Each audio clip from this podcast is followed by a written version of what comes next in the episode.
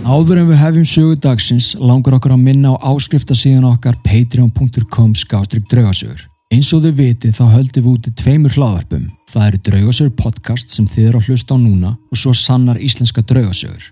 Samanlagt eru þarna á ferðinni yfir 100 sögur sem eru aðgengilegar á öllum hlaðvarpsveitum frítt. Þið hafi líka eflust tekið eftir því að auglýsingar er í algjöru lámarki hjá okkur. Við höfum einfallega gefið þessa þætti út án endurgjalds vegna þess að við umverulega brennum fyrir þessu málefni og viljum segja ykkur þessar sögur. Það eina sem við byggjum um í staðin er að þið fylgið okkur á ykkar hlaðvarsfeitu og hlustið. En við gætum ekki gert þetta án fólksins sem að stiður við bakið á okkur og skráir sér í áskrift. Það eru áskrifundur sem ger okkur þetta klift. Alla draugasögur sem við segjum fara meðal þessi, allir staðir sem við rannsökum og öll sönnunagögn sem við náum er í bóði þeirra. Við munum halda áfram að gefa ykkur sögur eins oft og við mögulega getum og á sama tíma vonum við að þið haldið áfram að skrá ykkur í áskrift til þess að styðja við hlaðurpun okkar og auðvitað fá aðgangað fullt af draugasögum, rannsóknum, viðtölum, sönnunagögnum og ég veit ekki hvað og hvað. Kíktin á patreon.com skástrygg draugasögur og skoðaði áskriftarleðarna sem eru þar í bóði.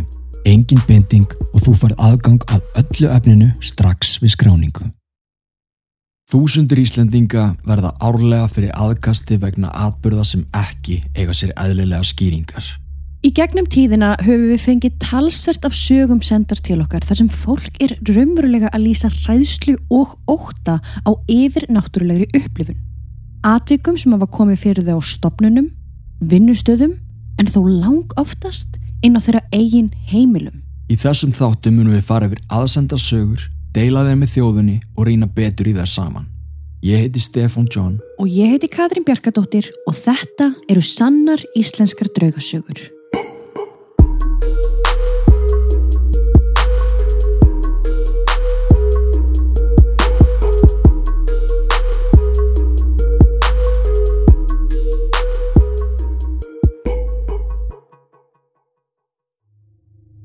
Áður en við byrjum er rétt að taka fram að sögurnar sem teknar eru fyrir í þessum þáttum eru ekki nefni ákveðinir tímaröð sem þar eru sendar okkur, heldur af handahófi. Eftirfarandi sögur eru sannar og koma frá fólki úr öllum stjættum þjófélagsins. Allt eru þetta mismunandi einstaklingar á mismunandi aldri. En allt þetta fólk á það sameigilegt að hafa lendi í einhverju yfirnáttúrulegu og það hér á Íslandi.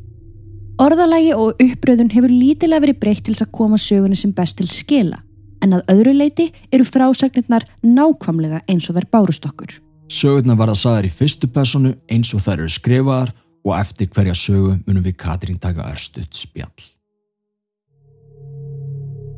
Saga 1. Verndarengillin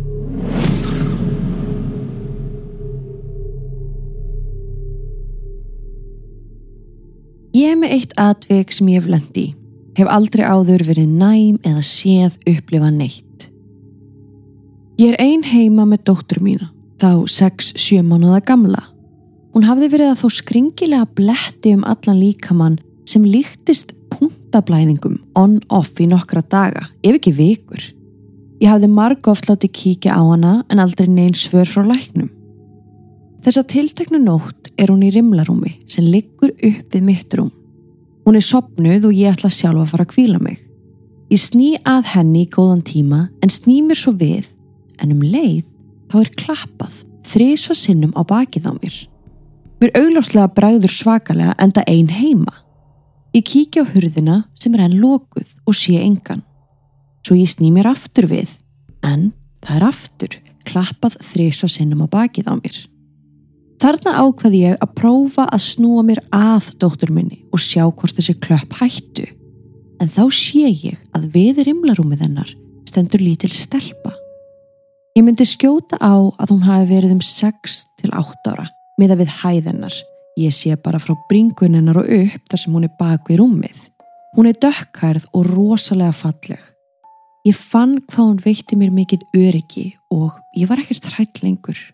Ég horfi á hana fyrir á klósettið en hún bara stendur þarna. Ég var alveg 100% vakandi en það fer ég fram og allt og ég er varðla orðin sifju þegar þetta gerist. En svona gengur þetta alla nóttina. Stelpan leifði mér ekki að snúa baki í dóttur mína því þó klappað hún á bakið á mér þrísvar.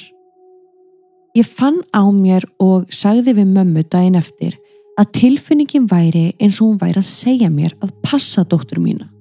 Mér fannst eins og eitthvað væri að fara að gerast og ég þyrst að passa hana. Svo lýsi ég stelpunni fyrir mömmu sem segir mér að ég sé basically að lýsa frængu minni, sýsturdóttri mömmu sem dó þegar hún var 7 ára. Hún deyr mörgum árum áður en ég fættist og ég hef aðeins séð eina myndavenni, tveggjárað aldrei. En ég og móðursýsti mín, mamma stelpunar, voru mjög nánar. Ég fer til miðils eftir þetta sem að sér ekkert sem tengist dóttu minni annað en að hún sé hraust í framtíðinni sem róar mig mikið. En nokkrum dögum síðar lendir dóttir mín fárveik á barnaspítalanum í rúma viku með RS-vírusin og bergjungabólgu. Þurfti stöðugt súrefni í átta daga. Steiftist öll út í punktablæðingum all svakalega. En hún náði sér að fullu og er eldtraust í dag og þessi stelpa hefur ekki heimsótt okkur síðan. Ég er svo full viss að amma mín heitin og móðursýsti mín heitin hafi sendt þennan sjára engil til mín til að passa dóttu mína og gera mig meira vakandi fyrir þessum veikindum. Gæsa húð. Já, ég veit það. Takk kærlega fyrir söguna þína. Hræðilegt að heyra með veikindi dóttu þinnar.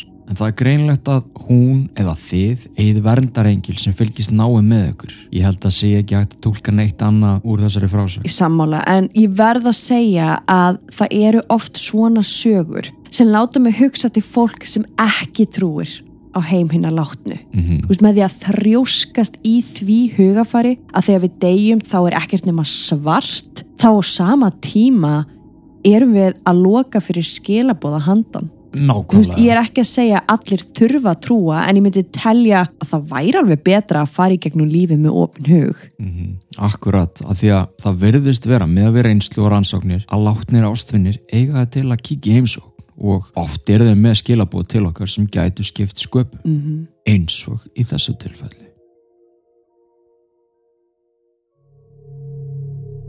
Saga 2. Styrkur frá ömmu.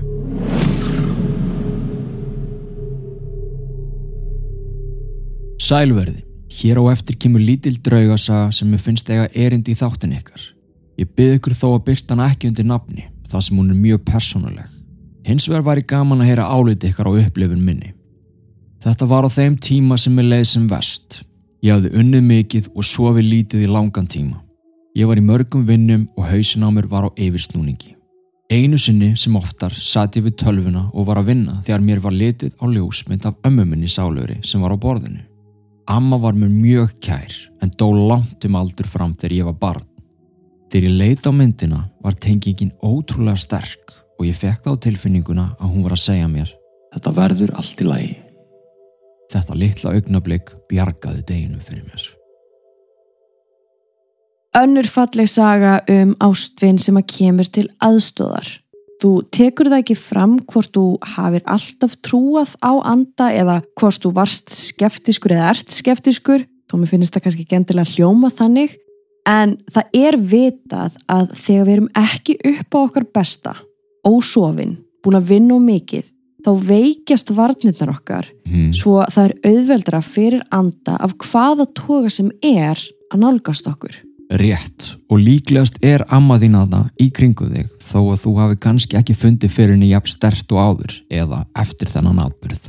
Hún greinilega sá þarna glöfu til þess að koma til þín og gefa þér styrk og ég myndi í þínu tilfelli byggja hana um það reglulega þegar þú stendur frammi fyrir vandamálum í lífinu. Mm -hmm. Því það er ótrúlegt hvað þessi trú á að fólkið okkar standi við bakið á okkur getur haft mikil áhrif á okkur bara í daglegu lífi. Bara amen. Takk kærlega fyrir söguna þína og veistu við byrðum bara að helsa ömmuðinni. Við höfum frá upphafi séð til þess að hlustendur fái fyrsta flokks upplifun í þáttum okkar með hljóðgæðum á heimsmæli kvarða. Það er mikill tími sem fyrir rannsóknarvinnu, skrif og eftirvinnslu, myndakápur og myndbönd. Við eigðum ekki þínum verðmæta tíma og komum okkur alltaf beint að efninu. Þeir sem hafa séð sjónvastættun okkar eru hungraðir í meira og því erum við með gríðalegt sapn af vefþáttum úr rannsóknum okkar bæði hér á landi og erlendis. Sönnunargögnin úr ferðum okkar hafa fengið hörðustu evasendamenn til þess að hugsa sér tvisvar um. Svo kontu og vertu með. Það er engin binding og yfir 400 þættir sem býða eftir þér og margar klukkustundra aftreyingarefni inn á patreon.com skástrygg draugasögur. Þið sem hafi verið með okkur í fjölskyldu dýnamíkinni þar vitið að draugasögur eru svo sannarlega miklu meira en bara hlaðvarp. Saga 3. Gucci ilmvatnið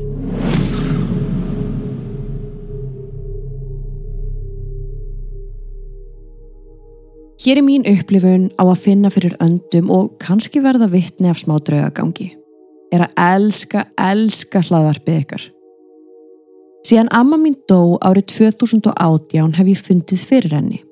Amma fór í aðgerð árið 2018 sem að hefnaðist illa og var hún í dái í þrjár vikur. Þessar vikur fór mig að dreyma hana mikið. Ekkert venjulega að drauma, heldur eins og hún hefði komið inn í draumana til þess að segja mér hluti. Því miður þá lést hún eftir þessar þrjár vikur.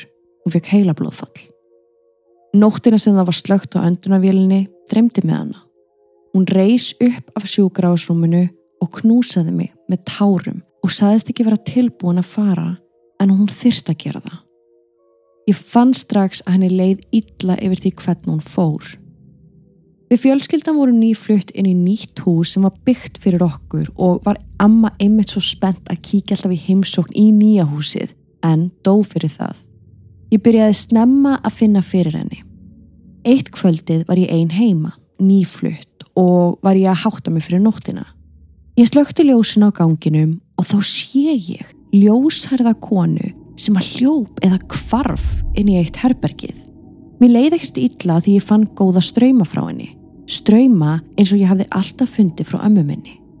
En það voru fleiri atvik sem gerðust alltaf þegar ég var einn heima. Eitt skiptið lagðist ég upp í sófa eftir langan skóladag. Ég lá á hliðinni svo ég sá ekki fyrir aftan mig. Allt í einu fann ég fyrir mannesku fyrir aftan mig taka eitt skref að mér og ég fann að einhver stóð yfir mér eins og það væri einhver að passa upp á mig. Og aftur þá fann ég að þetta voru góðir ströymar góður andi sem ég tengdi við ömmu. Eitt kvöldið ákvaði ég að tala við hana. Amma, við fyrirgefum þér að hafa farið svona skindilega. Nú móttu fara í ljósið og hafa það gott. Ég sagði þetta að mér fannst það líklegt að hún hafi ekki verið tilbúin að sleppa tökum. Eftir að hafa sagt þetta þá fann ég ekki neitt í nokkra mánuði. Svo árið 2020 fann ég að einhver var komin aftur. Það var kvöld og ég var ein upp í sófa. Það var Pepsi Max dós á borðinu og það byrjaði svona tikk hljóð í dósinni eins og alvöru mannanögl væri að pikka í hana og takturinn var eins sekundur á milli tikkana.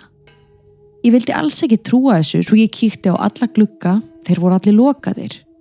Ég prófa þá að segja hátt hættu þessu, mér finnst þetta óþægilegt og þetta tikkljóð hættu um leið. Ég byrjaði aftur að gera það sem ég var að gera en þá byrjaði tekið aftur og í þetta skiptið var það hærra og mikið hraðara. Ég rópaði þá hærra, viltu hætta þessu? Og viti menn, þetta hættum leið. Ég fór með dósina inn í bílskúr á samt öllum dósunum og lokaði hörðinni. Þarna leið mér ekki vel því mér fannst eins og það var verið að segja mér eitthvað. Seinasta sem ég lendi í var þegar ég var að byrjum að læra. Ég satt með slögt ljósin en það var seria með ljósum á og byrtan af tölvuskjánum. Ég fór að finna fyrir einhverju inn í herbergi. Vissi samt ekki alveg hvaða gæti verið. En svo allt í einu leið mér eins og heil manneski að hafi sest á rúmi mitt við hliðin á mér. Mér leið óþægilega og eins og ég væri först í smá stund. Ég tók djúftin andan og fann að ég var örug þegar ég fann sterkar lykt af Gucci ilmvatnin hennar ömmu sem hún hafði alltaf borið alveg síðan í mann eftir mér. Ég fannst þetta ótrúlegt og sagði þér hennilega Hæ amma mín. Leitt að heyra með ömmuðina. Það er alltaf erfitt að missa ástfinni og ég get ekki ímynda mér hversu sár óvissan var í þessar þrjár vekur sem hún var í dái. Mm -hmm. Þú talar um að hún hafi komið til þinn í draumum og sagt þér hluti. Dæin sem hún dó kom hún og kvattið þig en sagði samt ekki vera tilbúin að fara. Já og þessu hafa margir lend í. Oft virðast þér framliðinu nota drauman okkar til þess að koma með skilaboð. Mm. Þú talar um að hafa fundi fyrir ömmuðinni mjög fljótlega eftir að hann dó sem er ekkit ólíklegt en það átti konan greinilega eitthvað óuppgert áður hún færi lengra. Og mér langar bara að minnast á eitt sem er alveg gaman að pæla aðeins í. Það er talið að þegar við deyjum þá fær sálin okkar nákvæmlega það sem hún þarnast. Ef við þurfum kvíld þá fær sálin okkar kvíld í þann tíma sem hún þarf. Ef við erum ekki tilbúin að sleppa taki þá fáum við að vera þanga til við erum tilbúin. Við langaðum bara svona að skjóta þessu hér inni þannig að við áttum okkur á að það er ekki allir andar fastir eða í einhverju ringulreið Nei, alls ekki. og það skiptir ekki máli hvernig það dó. Sálin fær það sem hún þarf. Akkurát. Oftast allavega. Mm Og mögulega í þínu tilfelli þá átti ammaðin kannski erfitt með að sleppa tökum. En þá fekk hún bara að vera í faðmiljósins í einhverja daga, vikur, ári viðbót og einmitt gott að hafa í huga að við vitum ekkert hvernig tíminn virkar þarna hinum Nei. megin og það er bara stórt spurningamerki. Það eru kenningar en þessi heimur kemur okkur sífælt á óvart. En þú talar við ömmu þína, segir henni að henni sé óhætt að fara og þá fer hún. Mm. Þú finnur svo ekkert í langan tíma en síðan verðist einhver nálgast þig þarna í sófanum og svo nærvera var eitthvað sem þú kærðir þig ekki um. Nei, en þú bregst hárétt við og byður það sem var þarna vinsalegast um að hætta. Þið lík ekki vel við þetta. Mm. Það er erfitt að segja til um hver þetta var. Eins og við sögðum í sögunni hérna áðan, þá eru varnirnar okkar ekkert alltaf í topp stöðu. Ó nei. Svo ef þú hefur verið þreytt eða undir álægi, þá gæti alveg verið að einhver neikvæður andi eða jafnvel bara einhver stríðnispúki hafi verið að fara þannig gegn og ákveða aðtöga hvort hann gæti fangað aðtegliðina. Mm. Þú tala svo ekkert um að finna fyrir þeim anda aftur sem er gott. En í lokin segir að amma þín hafi komið og sest á rúmið hjá þér og að þú hafir fundið þessa ilmaslikt. Já og ég verð að segja að það hljóma kannski ekkert eins og stórmál að finna allt í einu lykt upp úr þurru en þegar maður lendir í því þá er það nánast ótrúlegt. Já. og hvað þá ilmvastlikt af ilmvatni sem er kannski ekki til á heimilinu og á ekki undir nokkrum kringustæðum að vera á þessu svæði. Einmitt, sammála. En þessi lykt og þín tilfinning gaf þér þá staðfestingu að hún væri þarna hjá þér og það er svo fallegt. Og einmitt gaman að hugsa til þess að ástvinni manns geti verið í ljósinu, kvilt í friði, en kíkt í heimsók til okkar endrum og eins. Því í rauninni þá er þetta fólk ekki búið að yfirgefa okkur. Nei, og við trúum því alveg heilsögar að við eigum eftir að hitta allt okkar fólk aftur þegar okkar tími er komin.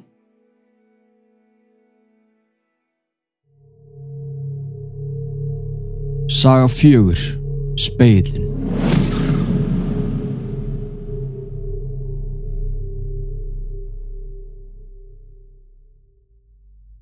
Hæ hæ, mér langaði að fá að segja ykkur aðeins frá því sem ég hef lendi og heyrt. Þegar ég var tveggjára misti ég pappa minn og mamma hefur alltaf sagt að hann fylgist með mér. Þegar ég var 16 ára þá gerist það í eitt skipti þegar mamma er heima þá sér hún skugga farin í herbergi mitt. Ég var í skólanum en fyrst hún sá þennan skugga þá kallar hún á mig. En auðvitað fekk hún ekkit svar. Ég var hvergi nálægt. Hún fer þá inn í herbergi til mín og sér að það er engin. En hún veit hvað hún sá. Við veitum ekki hvað þetta var og munum sannlega aldrei fá að vita það. En mamma segir alltaf að þetta hafi verið pappi minn. Svo er smá sem ég hef lendi eftir að ég kefti mér mínu fyrstu íbúð. Ég vil taka það fram að þetta gerist áður en ég byrja að hlusta á draugasögur. Ég bjó einn á þeim tíma sem þetta gerðist á tímabilinu 2019 til 2021. Ég fór að vera var við alls konar hljóð heima hjá mér og helstu hljóðin voru eins og það að vera að opna skápa eða skúfur og gramsa í skúfum, sérstaklega hnífa bara skúfunni. Svo var ég var við það að þegar ég var að fara að sofa þá heyrði ég oft eins og einhver var að koma lappandi inn gangin að herberginu mínu en aldrei kom neitt inn til mín. Þetta gerðist ansi oft, svo ég fór að býða eftir því að heyra þetta fótatak og opna herbergishörðina þegar mér heyrðist hljóðið koma hörðinu minni. En aldrei var neitt frammi. Svo eitt daginn er ég að hengja upp myndir heima hjá mér og skil rammana eftir á þvóttastúra á miði stofugólfinu. Þegar ég fer að sofa það kvöld, heyr ég umgang frammi og ég fer og tjekka hvað þetta var en aftur þá var engin. Nefna hvaða einn myndaraminn sem átt að vera á þvottasnúrinu var komin í sófan.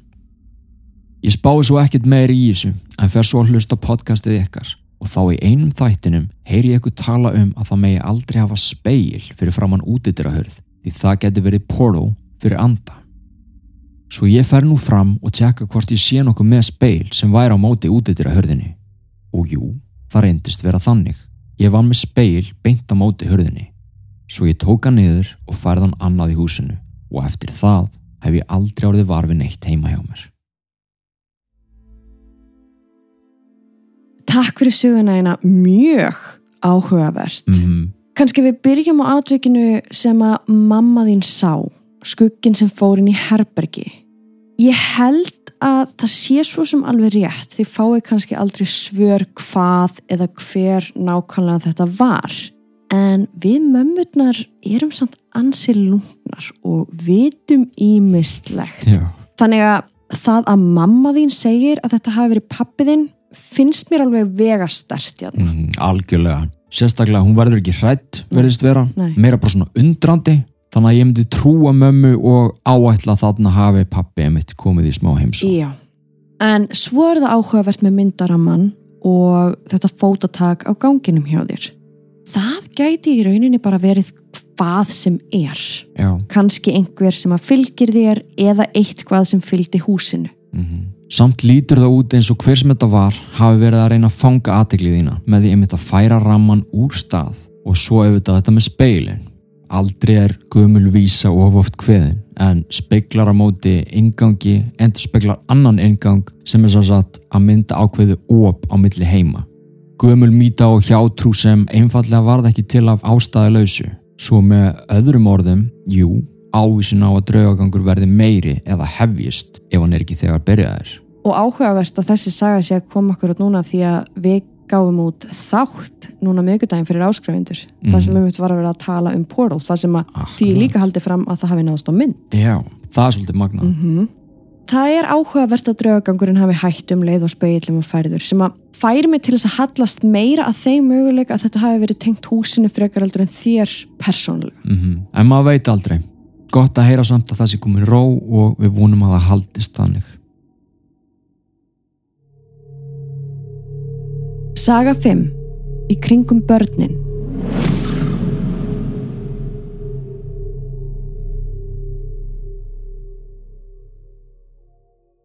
Þeir sögðust vilja draugasögur. Ég veit ekki hvort að megi flokka mína sem slíka en allavega þá er hún um vendar fólk og eða fylgjur. Ykkur er velkomið að nota hana í þættinum ykkar. Mamma sagði mér að þegar ég var pínulítil nýfætt hafði hún heyrt mig væla í vöggunni eitt kvöldið. Hún lappar inn í herbergi til mín en þegar hún kemur í gættina sér hún dökkan skugga standa við rúmið mitt. Þetta var maður í meðalagi, hávaksinn. Hún sagði mér að hún hafði ekki verið beint hrætt en auðvitað brugðið. Hún settist neyr á stól sem var við hurðina á herberginu og augnabliki setna leið skuggin burt og hvarf. Hún sagðist ekki að séð svona við rúmið mitt eða sískina minna eftir þetta. Mér fannst þetta alltaf skrítið og vildi gerna vita hver þetta var en mamma sagði mér að henni hafi fundist að hann væri bara þarna til að passa mig, að hann vildi mér ekkert ílt. Mörgum árum setna eftir að ég eignast mitt fyrsta barn bjó ég heima hjá mömmu með barnið og hún upplifði það sama aftur. Hún heyrði nýfætt barnið gráta og gengur inn í barnaherbergið.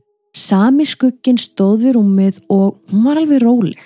Beið aðeins og hann leið burt og hvarf. Sama tilfinning um að þetta væri ekkert slæmt. Nokkrum árum eftir það er ég með annað barnið mitt nýfætt. Í þetta skipti var það ég sem sá skuggan. Ég lá með barnið í hjónarúminu að ná mér í smá blund á meðan barnið svaf. Ég sný andlitinu að dagspyrtu í glugganum og allt í einu dimdi. Ég opnaði augun og sá dökkan skugga bera við gluggan. Þetta var greinilega maður með dögt stuttklift hár og góðuleg augu. Ég brosti til hans og hann leiði burtu og hvarf. Mér fannst það sama og mömmu hafi fundist. Hann var bara að kíkja á barnið og gæti okkar. Svo nokkrum árum setna eignast ég mitt þriðja barn og beigði eftir skugganum, en sá hann ekki. Aftur á móti heyri ég oft litla drengi minn sem var orðin tveggja að þryggjára tala við einhvern og leika sér við einhvern. Ég heyrði hann segja, þú mátt hafa þennan bíl eða eigum við að púsla? Hann var svo gladur og rólegur, þannig ég hafði yngar áhyggjur. Kom ekki þetta óvart að hann sæi meira en við hinn eins og börn gera svo oft. En ég fyrir að spjalla við hann og spyrja hvernig hann sé að leika við, orðin smá forvitin. Hann segir mannin og bendir á hillu í stofunni. Ég skoða hilluna og tek fram myndir sem voru þar og sín honum. Hann grýpur strax myndina af bróður mínum sem var þá látin fyrir fáinum árum. Ég er ekkert hissa á að hann sé að fylgjast með því ég sé oft skugga sem hreyfi sig líkt og hann bræða fyrir heima hjá mér og hjá bæði mömmu og fleirum í fjölskyldinni og ég fundi fyrir honum þegar ég á erfitt. En það sem ég veldi oft fyrir mér er að hann var á lífi þegar ég og eldri börni voru lítil. Svo hver var þetta sem að fylgist með okkur þá og ef hann er farin lengra, hver er þá að fylgjast með núna? Þessi er skemmtilega og þú spurð spurninga í lokin sem við skulum sjá hvort að við getum svarað. Ég kannast við svona atvik. Eins og ég hef sagt áður þá var ég mjög ung þegar ég sá minn fyrsta anda en það var svarklættu maður með stóra svarta hettu á höfðinu. Mm -hmm. Hann leifiði mér aldrei að sjá framann í sig en hann gekk fram og tilbaka fyrir utan svefnherbyrgishörðina mína þegar ég var að reyna að fara að sofa og stundum vaknaði ég og sá hann við rúmið mitt. Ég var alveg hrætt til þess að byrja með en síðan vandist í honum. Þegar ég vart síðan eldri áttan til að sína sig og segja mér að koma mér úr aðstæðum rétt áður en eitthvað slæmt gerðist sem að var alveg ótrúlegt. Bara magnað. Þessi maður fylgdi mér á milli húsa en svo einn daginn stóðan fyrir utan glukka inn í eldúsi og kvatti mig og ég sá hann aldrei aftur, ég veit ekki að þá sé hann aftur í dag. Mm. En ég veit að þó hann hafi kannski litið ókveikjandi út þá var hann að vernda mig. Hann vissi að ég var í opnari en hinnir, sæi og fyndi meira en hinnir og þegar þú ert barn þá þarf maður leiðsögn og það veitti hann mér. Þanga til ég var tilbúin að tækla þessa gjöf sjálf sem var margra ára vinna. Mm -hmm. En ég nú bara minnast á þetta af því þú talar um að sjá þarna svartan skugga við rúmið. Fyrst mamma er reyndar og svo þú. Einmitt. Og þau talaðu um að það hafi ekki verið hræðsla eða neikvæð tilfinning þarna. Þannig að líklegast eins og þú segir þá var einhver að passa upp á einhver. Og höfum einmitt í huga í þínu tilfelli og Katrína tilfelli þá eru þessi svörtu skuggar ekki vondir. Við viljum oft tengja svart við eitthvað ílt en það er ekki alltaf þannig. Stundum vissulega en ekki alltaf. Mm -hmm. En svo talar um þriðja barnið og eðlulega þá beðstu eftir því að sjá skuggan en enginn kom.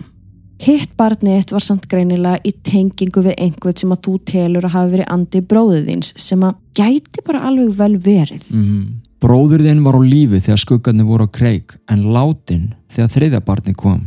Þá var engin skugga vera. En þú fannst fyrir anda bróður þíns og þú spyrð hver var þessi skugga vera og ef hún er farin, hver er þá að fylgjast með eitthvað núna? Og veistu, ég reynilega veit það ekki. Nei. En við veitum samt að fólk getur áttu meira en einn verndara. Mm -hmm. Mögulega vissi skuggaveran sem hafði vendað eitthvað áður að hennar væri ekki þörf á meðan bróðin vakti yfir ykkur. Mögulega fekk hann leifi til þess að vera hjá ykkur en skuggaveran fylgist mjög úr fjarska, mm -hmm. skiljur, kannski var, kannski var skuggaveran þarna allan tíman en þið bara sáða hann ekki. Einmitt. Við gætum alveg veltið svo lengi fyrir okkur og ég vissum að þú hefur gert það einmitt líka. En það sem skiptir kannski höfumáli er að þarna voru í kringum ykkur góðar orkur og þar eru þarna aflust ennþá þó að þið takit ekki eftir þeim. Takk fyrir söguna eina og gangið er vel. Við þökkum kella fyrir alla sögurnar og viljum endilega benda ykkur á það að við erum nýkomin úr rannsókn á einu frægasta og reymdasta húsi í heim. Mm -hmm. Einu eina og sanna Conjuring húsi. Inn á patreon.com skástrík draugasögur eru yfir 20 myndbönd auka þáttur sem við gáfum út bara um þessa rannsókn. Þetta er ólýsanlegt bara endilega kíkið á þetta Þetta er eitthvað sem að drauga áhuga menn ættu ekki að láta framhjóð sér fara vegna þess að það gerast ótrúlega hlutir. Þetta var laung og erfið ferð en algjörlega þess verði Endilega kíktin á patreon.com skástrygg draugasögur Sannar íslenska draugasögur er vikulegt hlaðvarp sem kemur venjulega út á föstu dögum klukkan 12 á háti. Svo lengi sem okkur halda áfram að berast sögur frá ykkur í gegnum draugasögur at draugasögur.com mert aðsendar sögur. Takk fyrir að hlusta og þanga til næst.